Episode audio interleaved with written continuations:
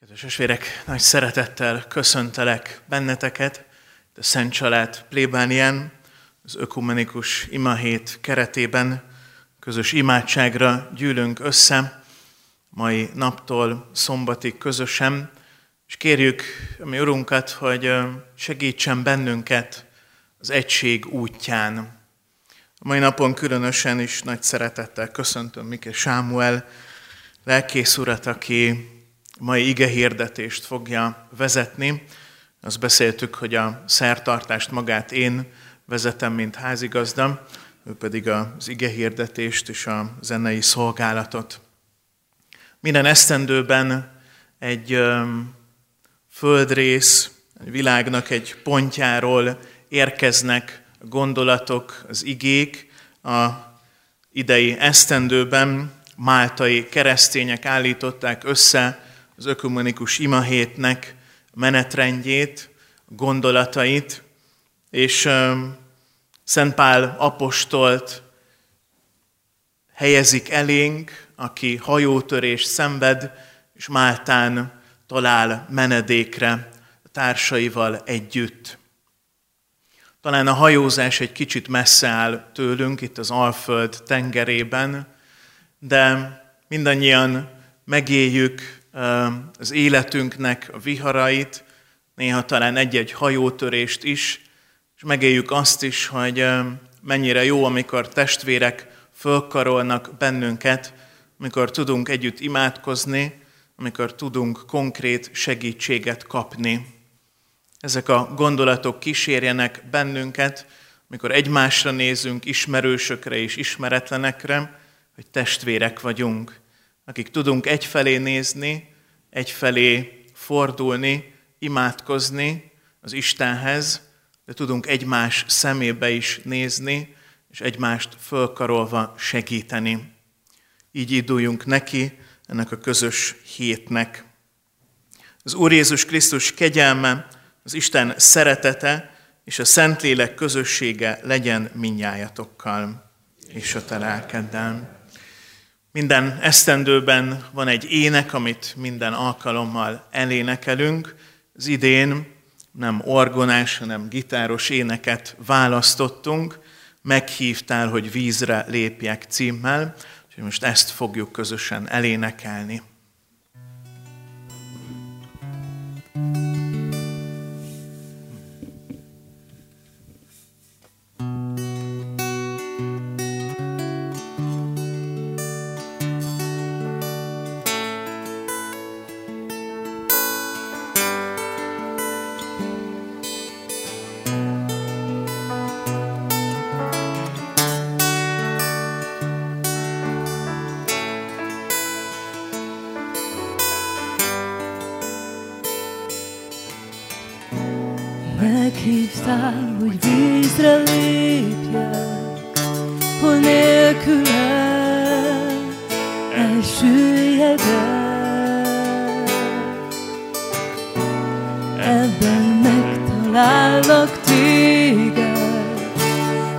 Mélységben megtart hited.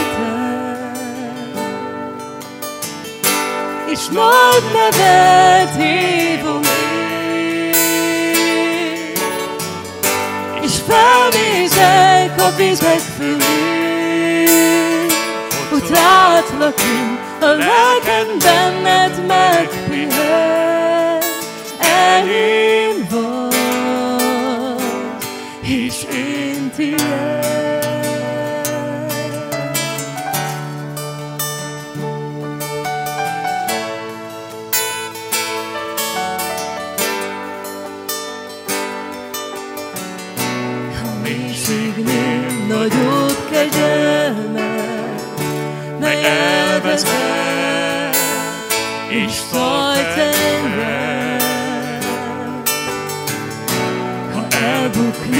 és nagyon félnék, te nem hagysz fel, és nem inodsz meg. És nagy nevet hívom én, felnézek a vizek fölé, látlak én, a lelkem benned megpihen.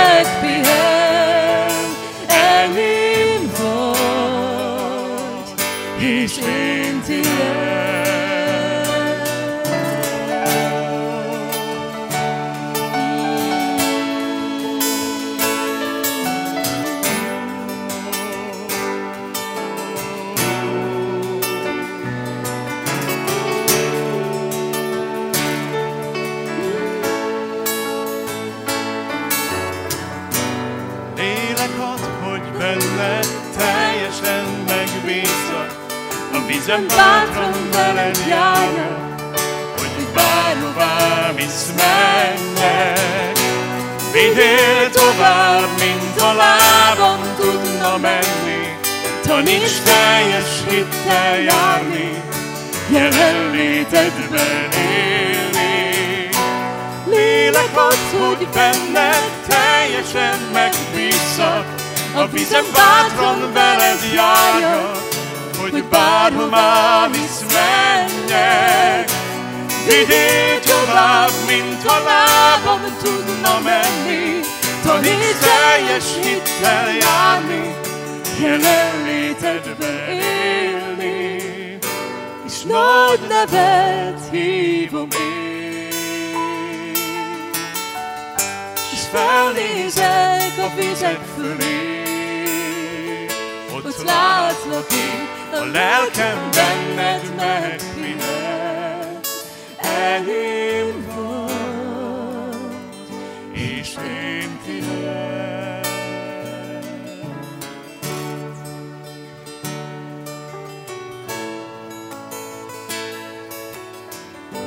És nagy nevet hívom én, és felnézek a vizek fölé, ott látlak én, a lelkem benned megpihen. Enyém vagy, és én tiéd.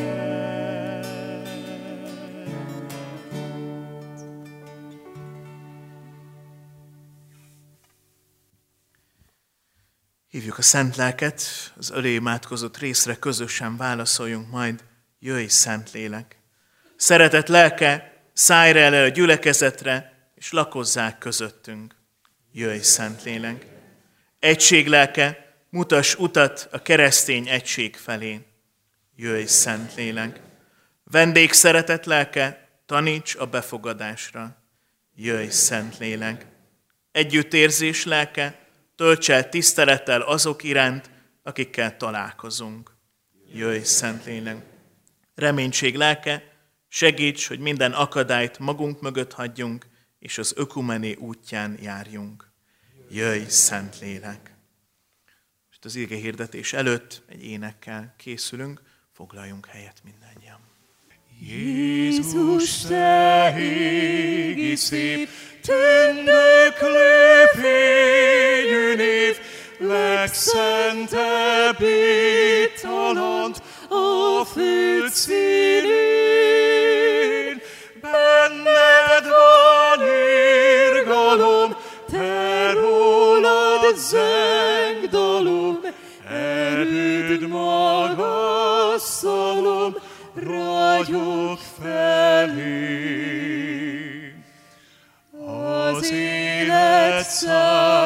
veszély, én lelkem még se fél, még ő tart karjain, hőmesteret.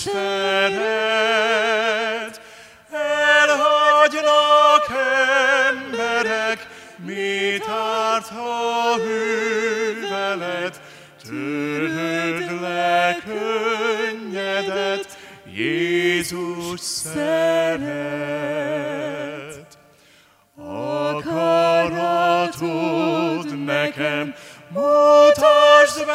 Szüntelen, ne rejtsd el, Mesterem, tetszésedet.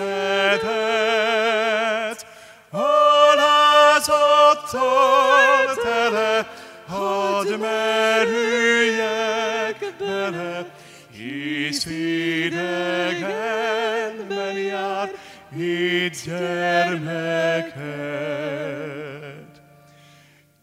Tisztíts meg teljesen, szentelj meg, hadd legyen fényedből fénysugár az életem.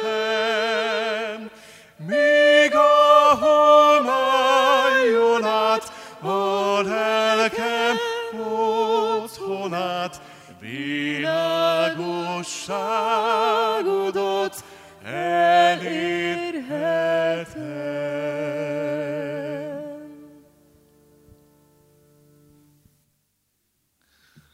Arra gondoltam, hogy az első este, amikor együtt vagyunk így, a különböző felekezetek egy nagyobb szeletet olvasnák fel az egész történetből, ami része ennek a, az egész imahetünknek, Pálapostoléknak a hajótörése, a megmenekülése. Nem az egész történetet olvasom fel, de egy nagyobb szelet az apostolok cselekvő 27. részéből, 9-től 26-ig terjedő versek így szólnak mivel pedig közben sok idő telt el, és a hajózás is veszedelmessé vált, hiszen a bőt is elmúlt már, Pál figyelmeztett őket, férfiak, látom, hogy a további hajózás nem csak a rakományban és a hajóban okozhat nagy kárt, hanem életünket is veszélyezteti. De a százados inkább hitt a kormányosnak és a hajó tulajdonosnak, mint annak, amit Pál mondott. A kikötő nem volt alkalmas a telelésre, ezért a többség úgy döntött, hogy tovább hajóznak onnan, hát ha eljutnak Főnixbe, ahol áttelelhetnek. Ez Krét egyik kikötője, amely délnyugat és északnyugat felé néz. Mivel pedig enyhe déli szél kezdett fújni, azt hitték, hogy megvalósíthatják elhatározásukat, felszedték tehát a horgonyt, és tovább hajóztak Kréta felé. Nem sokára azonban a sziget irányából lecsapott az Eurakvilónak nevezett szélvihar. Mikor az magával ragadta a hajót, úgy, hogy nem tudott a széllel szemben haladni, rábíztuk a hajót, és sodortattuk magunkat vele.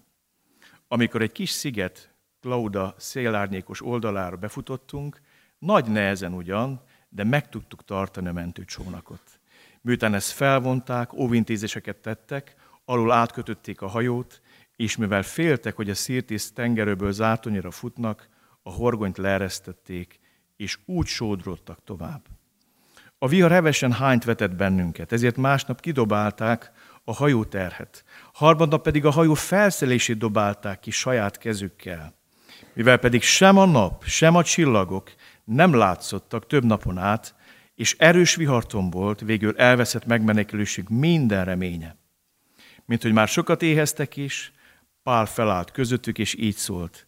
Az lett volna helyes férfiak, ha rám hallgattok, és nem indulunk el Krétából, hogy elkerüljük ezt a veszélyt és ezt a kárt. Én azonban most is azt tanácsolom nektek, hogy bizakodjatok, mert egy lélek sem vészel közületek, csak a hajó. Mert ma élel elém állt annak az Istennek az angyala, aki vagyok, és akinek szolgálok. Ezt mondta, ne fépál, Neked a császár elé kell állnod, és Isten neked ajándékozta mindazokat, akik veled vannak a hajón. Ezért bízakodjatok, férfiak. Én hiszek az Istennek, hogy úgy lesz, ahogyan nekem megmondta. Egy szigetre kell kivetődnünk. Ez a sziget volt Máta szigete. Gyertek, kérjünk áldást az égére.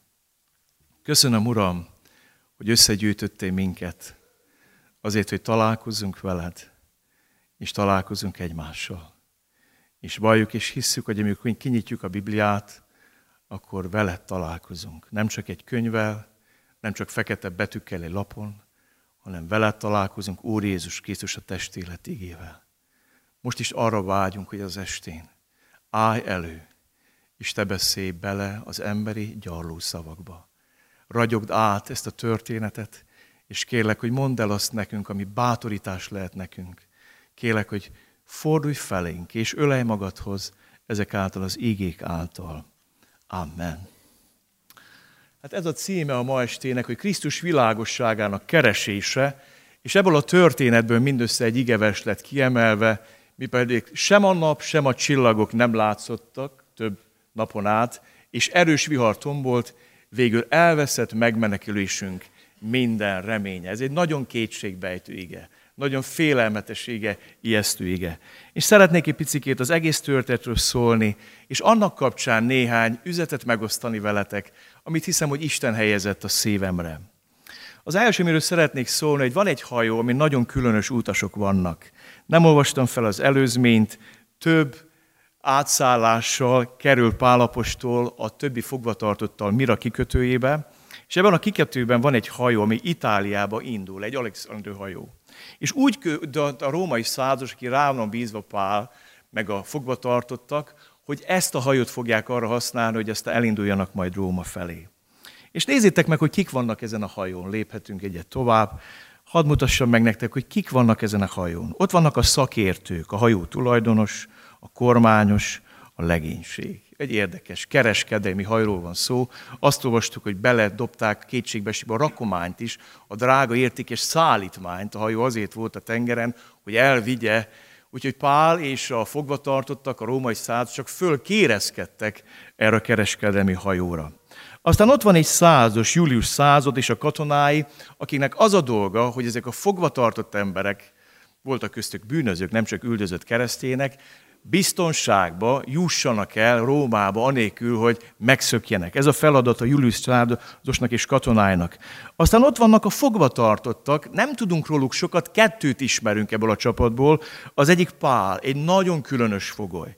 Tudjuk jól, hogy nem a bűnei miatt nem bűnözés miatt, nem közszörvényes bűnözés miatt került a fogvatartottak körébe, hanem azért, mert fellebezett a császára. Ő Isten gyermekeként, egy igazi keresztény emberként van a hajón. És van még egy ember a hajón, akit ismerünk, aki ezt az egész sztorit leírja, ez nem más, mint Lukács. A keresztény orvos, író, Pálnak a kísérő társa, aki nagyon sok helyre elkísérte Pált, és ott volt vele. Érdekes utas csapat a, menjünk tovább, és szeretnék arról szólni nektek, hogy alapjáraton e, milyenek vagyunk mi a hajón. Mint minden ember, biztonsági játékosok vagyunk.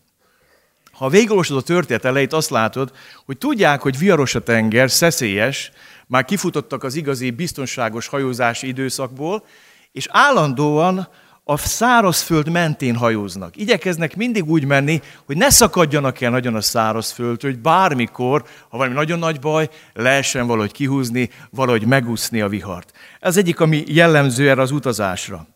Mennek Nidos, Szalmoné, szép kikötő Kréta, szélárnyékos oldalán. Gyakran olvasjuk azt, hogy a, a szigeteknek a, a szélárnyékos oldalán mennek, ahol kevésbé tudja megragadni a viharhajót. És ezen a hajón Pál mond egy érdekes dolgot. Figyelmeztet őket, férfiak, látom, hogy a további hajózás nem csak a rakományban és a hajóban okozhat nagy kárt, hanem életünket is veszélyezteti.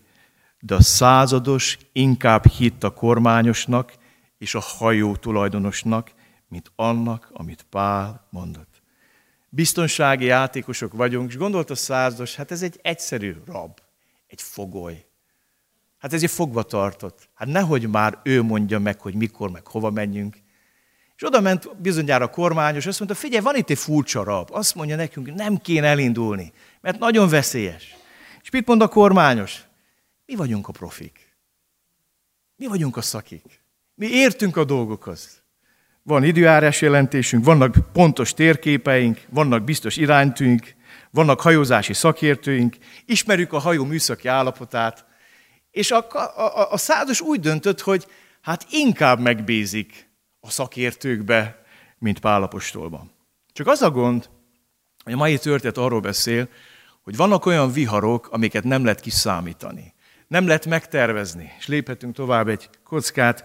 Egy váratlan és kiszámíthatatlan viharba kerül ez a, ez a csapat. A rakományal együtt. A százdos, a katonái, a fogvatartottak, a hajó legénység, a tulajdonos, a kormányos. Miért? Mivel pedig enyhe déli szél kezdett fújni, azt hitték, hogy megvalósíthatják elhatározásukat, felszették tehát a horgonyt, és tovább hajóztak Kréta közelében. Most a lényeg, nem sokára azonban a sziget irányából lecsapott az Eurakvilónak nevezett szélvihar. Mikor az magával ragadta a hajót úgy, hogy nem tudott a széle szembe haladni, rábíztuk a hajót, és sodortattunk vele. Sodortattuk magunkat vele. Eurokvuló vihar, egy hirtelen orkán lecsapott a tengerre, És akkor már minden mindegy volt. Nem lehetett irányítani, hogy megragadta ezt a hajót, elszakította a szárazföld közeléből, és vitte, vitte, vitte. És azt mondták, hogy egyszerűbb lesz, ha nem akarjuk, hogy eltörjön a kormánylapát, sokkal egyszerűbb, hogyha hagyjuk, hogy sodorjon bennünket ez a vihar.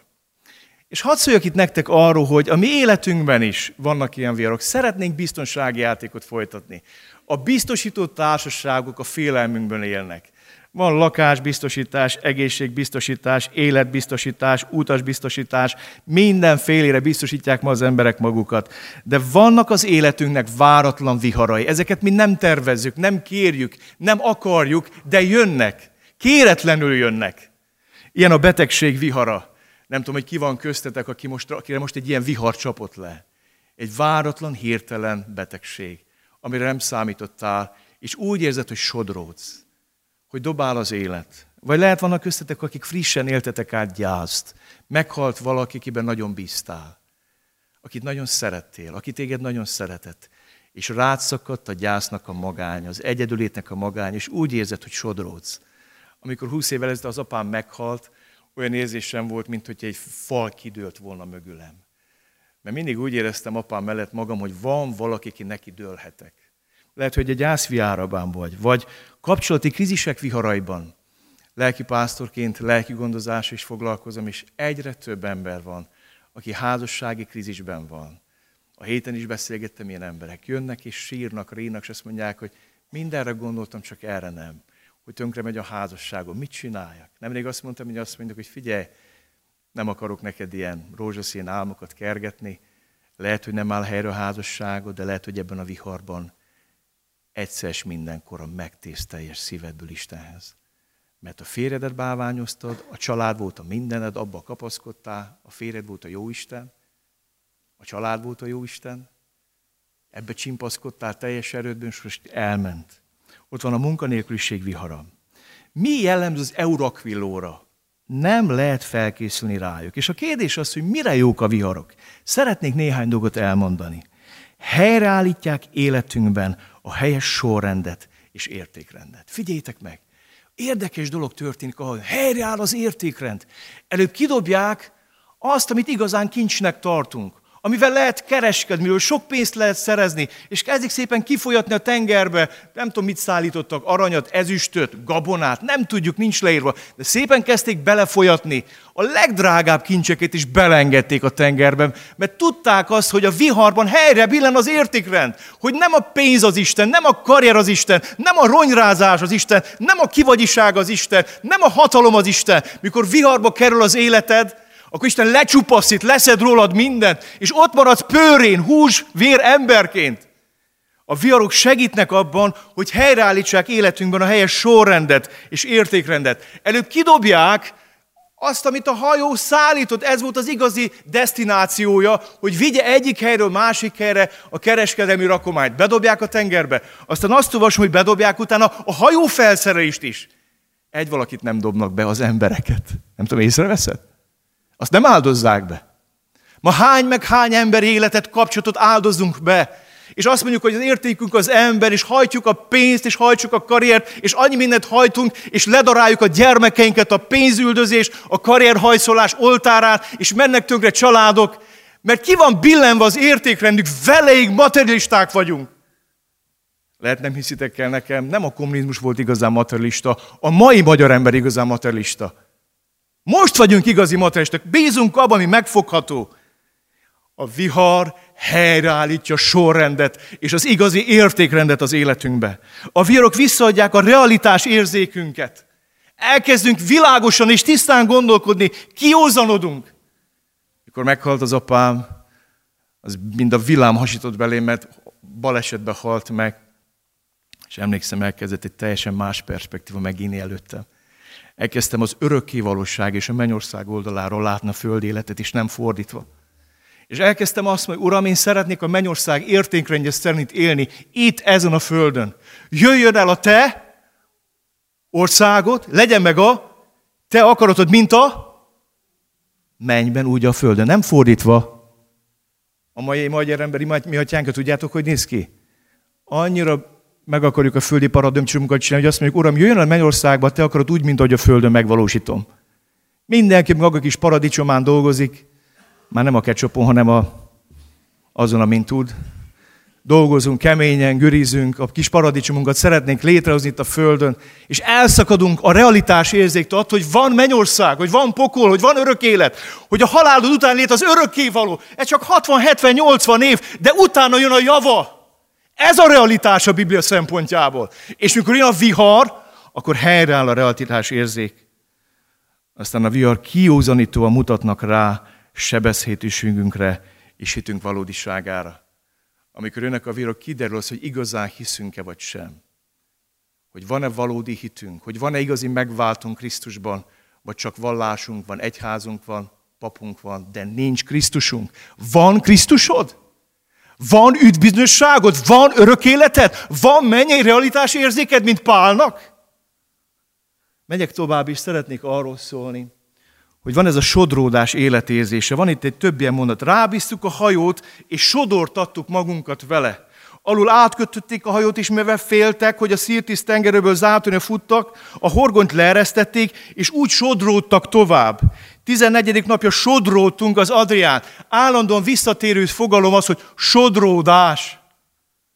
Egy nagyon fájdalmas dolog, amit látok ma, keresztény emberek életében, hogy sodródnak.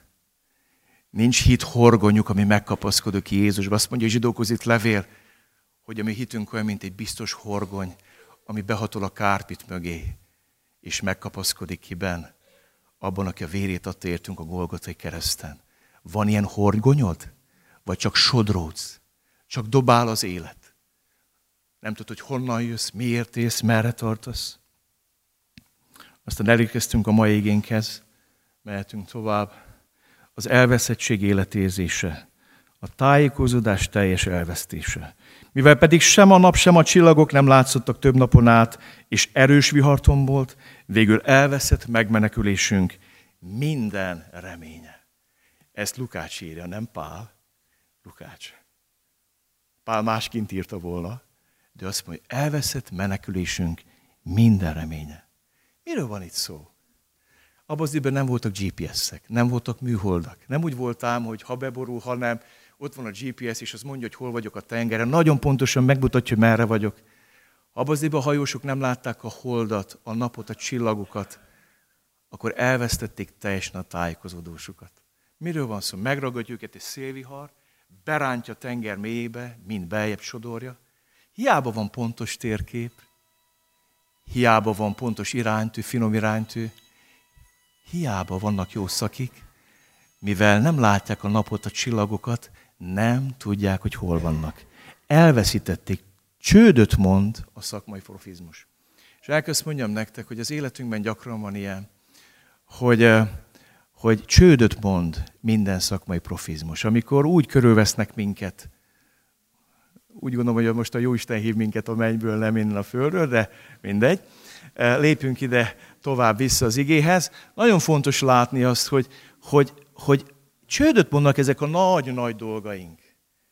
És hiába van pontos irány, hiába vannak térképek, hiába minden, elveszítették a tájékozódási pontjukat. Még egy idigét idézek ebből a történetből, mehetünk tovább. Nézzétek meg, ez a legkes, elkeserítőbb. A százos kikre hallgatott? A kormányosra, a hajó tulajdonosra. Kikre szal? A szakértőkre hallgatott. És azt olvassuk, hogy menekülnek a szakértők. Ekkor azonban a hajósok meg akartak szökni a hajóról, le akarták ereszteni a mentőcsónakot a tengerre, azzal az ürügyjel, hogy a hajó órából akarnak horgonyokat kifeszíteni. Pál így szólt a százoshoz és a hatonákhoz, ha ezek nem maradnak a hajón, akkor ti sem menekülhettek meg. A katonák akkor elvágták a mentőcsónak kötelekit, és hagyták, hogy elsodorja az ár. Na, ilyen világban élünk, tudjátok? Az elég ijesztő, mikor a profik menekülnek akik bevisznek a viharba, és utána ott akarnak téged hagyni. Ismerős életérzés? A korszellem, a divatirányzatok, a különféle izmusok rángatják az ideológiák az embereket jobbra-balra mindenfele, és mikor elkezd a hajó süllyedni, mikor igazán az ember élet a tét, akkor a kormányos le akarja vágni a, a mentőcsónakot, hogy beleszálljon a hajósokkal együtt. Ott akarja magára hagyni a századost, a katonákat, és fogva tartottuk. És Pál azt mondja, figyelj csak ide, Julius, mert úgy hívták a százost, nehogy, ne, nehogy elenged őket, mert akkor mi is bajba vagyunk. És itt szeretnék rátérni egy fontos dologra, mehetünk tovább, egy nagyon fontos dologra. Átveszi a hajó irányítását egy különös rab.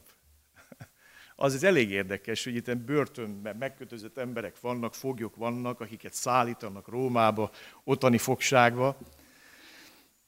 És van egy különös ember, Pál, és nézzétek, mit mond. Mint hogy már sokat éheztek. Pál felállt közöttük, és így szólt. Az lett volna helyes férfiak, a rám hallgattok, és nem indulunk el Krétából, hogy elkerüljük ezt a veszélyt és ezt a kárt. Én azonban most is azt tanácsolom nektek, bizakodjatok, mert egy lélek sem vészel közületek. Csak a hajó. Mert ma él elélem át annak az Istennek az angyal, aki vagyok, és akinek szolgálok. Ezt mondta, ne félj, Pál, neked a császár kell állnod, és Isten neked ajándékozta mindazokat, akik veled vannak a hajón. Ezért bizakodjatok, férfiak, én hiszek az Istennek, hogy úgy lesz, ahogy a nekem megmondta. Hát nem furcsa? Hol, vannak, hol, hol most a kormányos? Hol van hajó tulajdonos? Hol vannak ezek a szakik? A profik, hol vannak? És előáll egy rab, egy fogoly, és szép lassan átveszi ebben a krízis helyzetben ennek a hajónak az irányítását. Tudjátok, hogy miért? Megyünk tovább. Jézus azt mondja, hogy a világosság a sötétségben fénylik. Drága testvéreim, a kereszténység nem az egyház, a templomok falai között fénylik, hanem a sötétségben. Ha ide behozok most egy gyertyát, nem tud labdába rúgni ettől a sok erős fénytől. De hogyha kiveszed egy abszolút sötét helyre, ott, ott életmentő fényt tud adni. És ma az egyház nagyon sokszor bezárkózik a templom falai közé, miközben is azt mondta, hogy ti vagytok a föld sója, ti vagytok a világ világossága. Nem lehet elrejteni a világosságot. És a lámpát nem azért gyújtják a gyertyát, hogy vejék alá tegyék, hanem hogy ragyogjon. És Pálapostól ebben a fizikai, földrajz és szellemi sötétségben elkezd ragyogni ezen a hajón. Nézzétek meg, mi az, ami ragyog Pálban.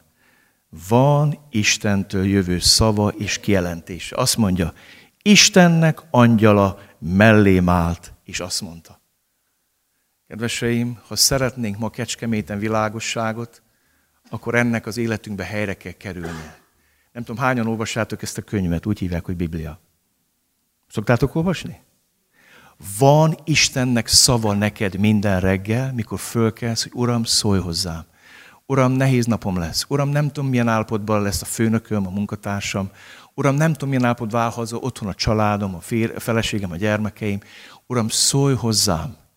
Pálnak van Istentől való kijelentése és szava. Ha valamire ma nagy szükség van az egyházban, hogy szóljon az Isten igéje. Amen nem politika, meg politikai kereszténység, Isten szava, Isten kijelentésére van szükség. Ez tart meg. Azt mondja Dávid, lábam előtt mécses szövétnek a te ígét, ösvényen világossága a te szavad. Pálnak van igéje. Kettő, van helyes értékrendje. Nézzétek, mit mond. Egy lélek sem vészel közületek, csak a hajó. A kormányos nem így érezte meg, főleg a haló tulajdonos. Jaj, a hajó, a hajó, a ház, az autó, a karrier, a mit tudom én, miben bízol, miben kapaszkodsz. És azt mondja, pá, gyerekek, egy dolgot mondok. Egy lélek sem vészel. A Bibliában egy íg azt mondja, mit ér az embernek, ha az egész világot megnyeri, de lelkében kárt lehet Bill Gates, a világ egyik leggazdagabb ember, de hogyha pokolba jut, mit ér az egész vagyona? Mit ér? Mit ér az egész világot menje, de lelkében kárt val? Pálapostolnak van világos, helyes értékrendje. Nekünk van? Látja világ, hogy helyes értékrend szerint élünk? Három. Pálnak van helyes perspektívája. Isten neked ajándékozta mindazokat, akik veled vannak a hajón. Pál tudta, hogy azért rakta őt Istenre a hajóra, hogy ezt a rakás kétségbe esett embernek felragyogtassa Jézus Krisztus, és elmondja, emberek, van remény, Van ét a halálon túl is, van megváltó, van szabadító, van Jézus Krisztus, és később a Málta szigetén egy egész evangelizáció bontakozik ki. Mert van perspektívája. Aztán van Pálnak minden értelmet meghaladó békesség. Azt mondja az Isten neki, ne félj Pál. Aztán Pálapostolnak van valódi hite. Én hiszek az Istennek, hogy úgy lesz, ahogy a nekem megmondta. Tudjátok, mekkora szükség van ma a mai társadalomban ilyen emberekre? Akik kapnak Istentől üzenetet, és azt mondják, én hiszem, hogy úgy lesz, ahogy nekem megmondta.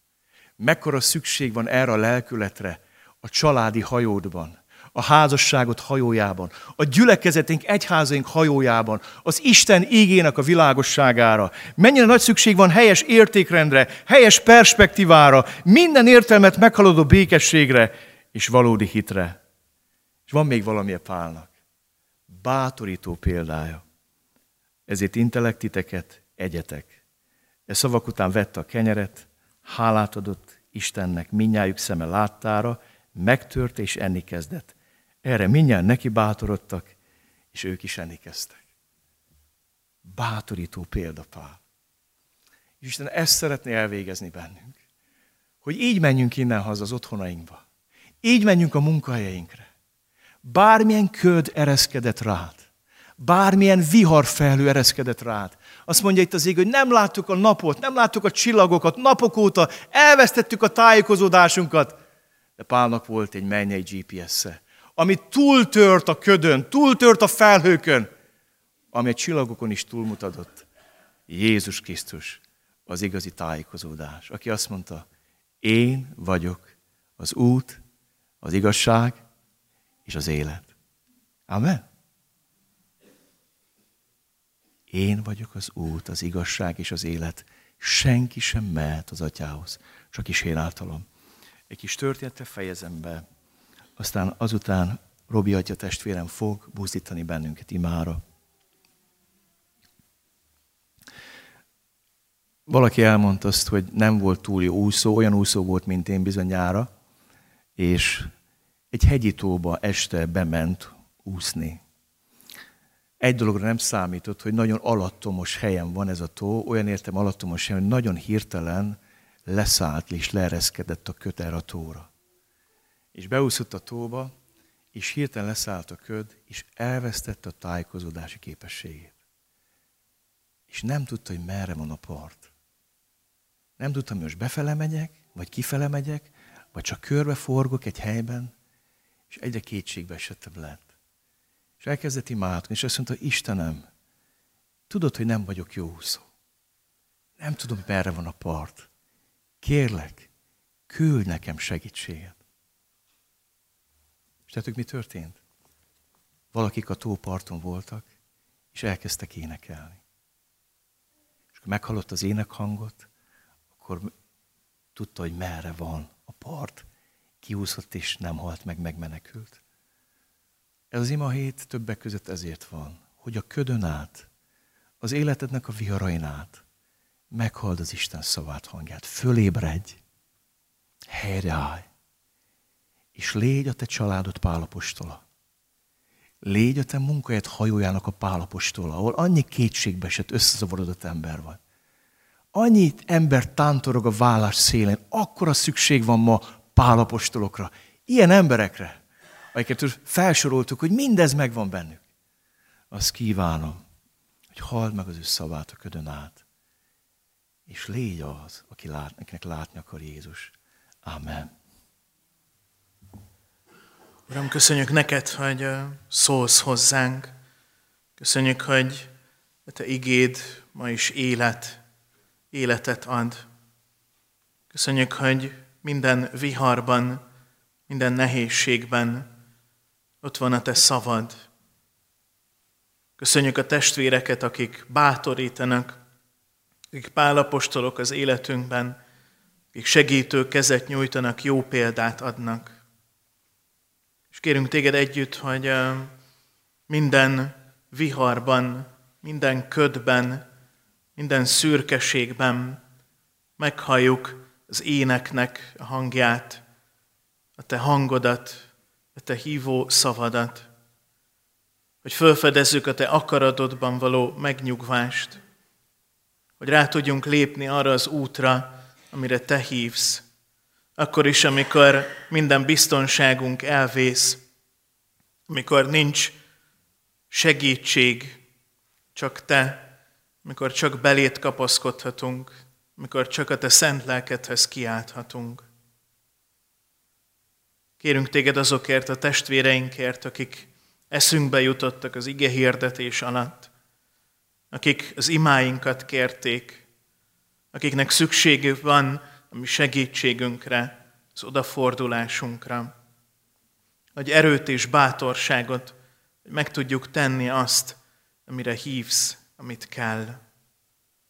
És köszönjük, hogy együtt lehetünk. Köszönjük, hogy, hogy elveszed a különbségeinket, és a mai napon, ezen a héten különösen is az egységre tekinthetünk. Hogy te kötsz össze bennünket közös imában és a közös hitvallásban. Kérlek benneteket, hogy álljunk föl mindannyian. Ige hirdetésre, Isten szavára válaszolva, imádkozzuk közösen a hitvallást, azt, ami összeköt bennünket. Hiszek egy Istenben, mindenható atyában, mennek és földnek, és Jézus Krisztusban, az ő egyszülött fiában, a miunkban, aki az fogantatott a Szentlélektől, született Szűz Máriától, szenvedett Poncius Pilátus alatt, megfeszítették, meghalt és eltemették. Alászállt a poklokra, harmadnapon feltámadt a halottak közül, fölment a mennybe, ott ül a mindenható Atyaisten jobbján, onnan jön el ítélni élőket és holtakat. Hiszek Szentlélekben, hiszem az egyetemes Anya Szent Egyházat, a szentek közösségét, a bűnök bocsánatát, a test feltámadását és az örök életet. Amen. Jézus Krisztusban egyek vagyunk, most közösen imádkozzunk azzal az imával, amelyet ő tanított nekünk. Mi atyánk, aki a mennyekben vagy, szenteltessék meg a te neved, jöjjön el a te országod, legyen meg a te akaratod, amint a mennyben, úgy a földön is. Mindennapi kenyerünket add meg nekünk ma, és bocsásd meg védkeinket, miképpen mi is megbocsátunk az ellenünk védkezőknek, és ne vigy minket kísértésbe, de szabadíts meg a gonosztól, mert tiéd az ország, a hatalom és a dicsőség mindörökké. Amen. Szokás ilyenkor, hogy béke jobbot nyújtunk. Tudom, hogy ilyenkor mindenki amellé ül, akit ismer, hogy némi felfordulást fog okozni, de kérem, hogy mindenki legalább egy olyan emberrel fogjon kezet, és kívánjon neki békét, akit nem ismer.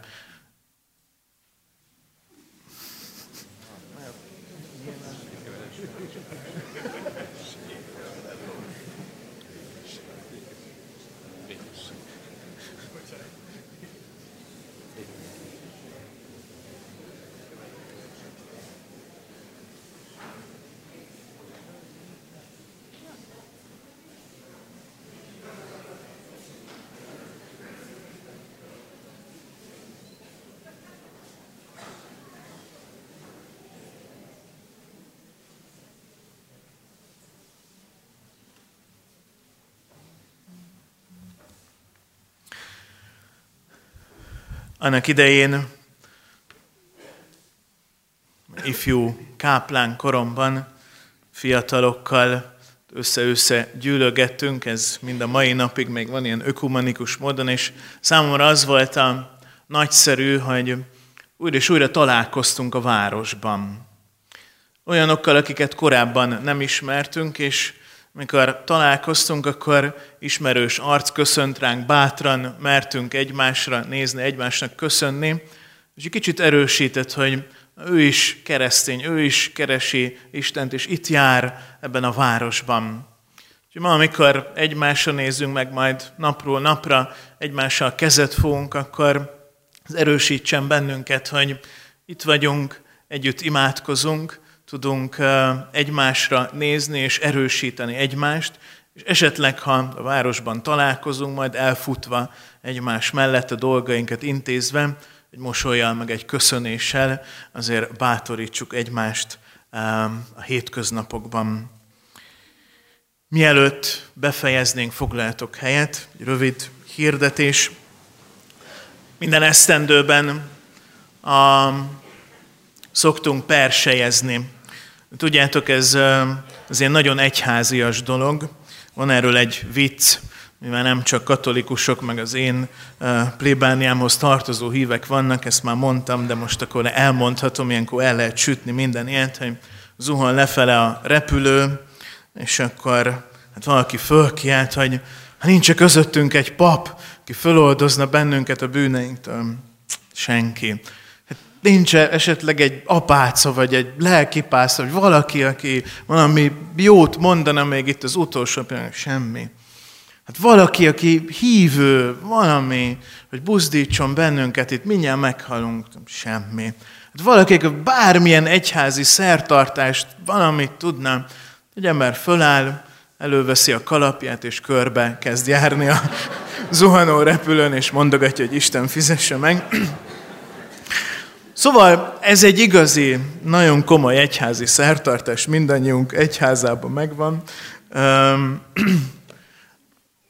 Tipróttunk, hogy ilyenkor mindig valami jó dologra szoktuk fölajánlani ezt a a héten befolyó összeget, amit majd a bejáratnál adhatok oda bájos segítőknek, akik egy-egy kis kosárkával fognak az ajtóban áldogálni. Két részre szeretném osztani az idei befolyó összeget.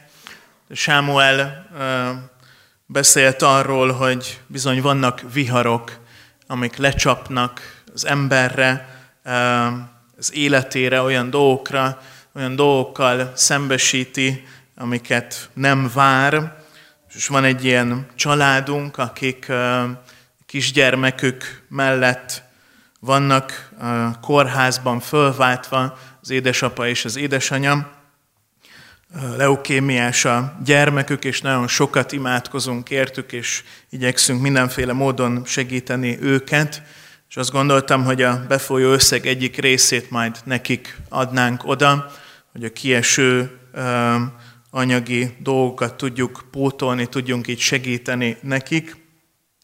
A másik részét pedig a Kecskeméti Egyszülős Központnak szeretnénk adni, azoknak, akiknek valamilyen módon összetört a hajójuk, és és ki kellett dobálni a rakományt, meg a kincseket, meg minden, de ezért a családjuknak élni kell, és segítségre van szükségük, és ennek most már van egy szervezet formája is, úgyhogy a másik részét héten befolyt összegnek őnekik fogjuk majd átadni, hogy segítsék azokat a gyermeküket egyedül nevelő szülőknek, akik rászorulnak erre záró ének előtt megköszönöm Sámuelnek, baptista testvéreknek a szolgálatát, és fogadjuk közösen jó Isten áldását, álljunk fel. Az Atya Isten, aki a sötétségből világosságra hívott el, tegyen bennünket Isten világosságának igaz hordozóivá. Amen. A Fiú Isten, aki drága vérén megváltott, tegyen készé bennünket, hogy példáját követve szolgáljunk másokat. Amen. A Szentlélek Isten, aki Úr és életadó, erősítsen meg bennünket, hogy kiálljuk életünk hajótöréseit, és eljussunk az üdvösség partjaihoz. Áldjon meg és őrizzen meg bennünket most és mindörökké, a mindenható és irgalmas Isten, az Atya, a Fiú és a Szent Lélek. Holnapi napon is 5 órakor várunk benneteket. Pál Ferenc református lelkész fog majd igét hirdetni. Jött egy e-mail a héten a részemre, illetve a múlt héten, hogy a Pál Feri az református lelkész. A Pál Feri az katolikus pap, de a Pál Ferenc református lelkész fog holnap igét hirdetni, akit a Széchenyi városi résznek a lelkipásztora és a református kórus fog szolgálni még, úgyhogy várunk benneteket a holnapi napon is nagy-nagy szeretettel.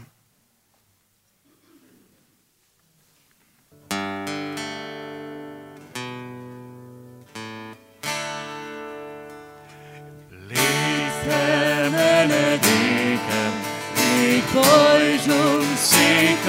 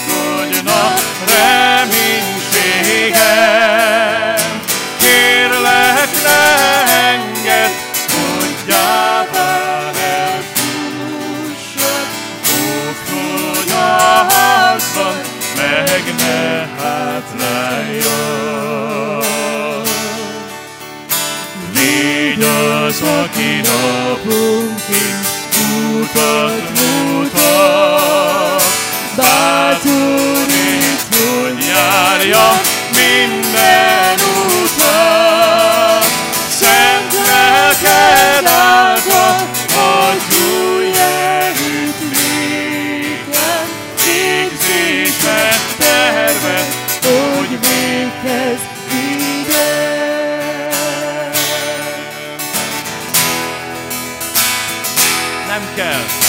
Nem kell soha más nékem,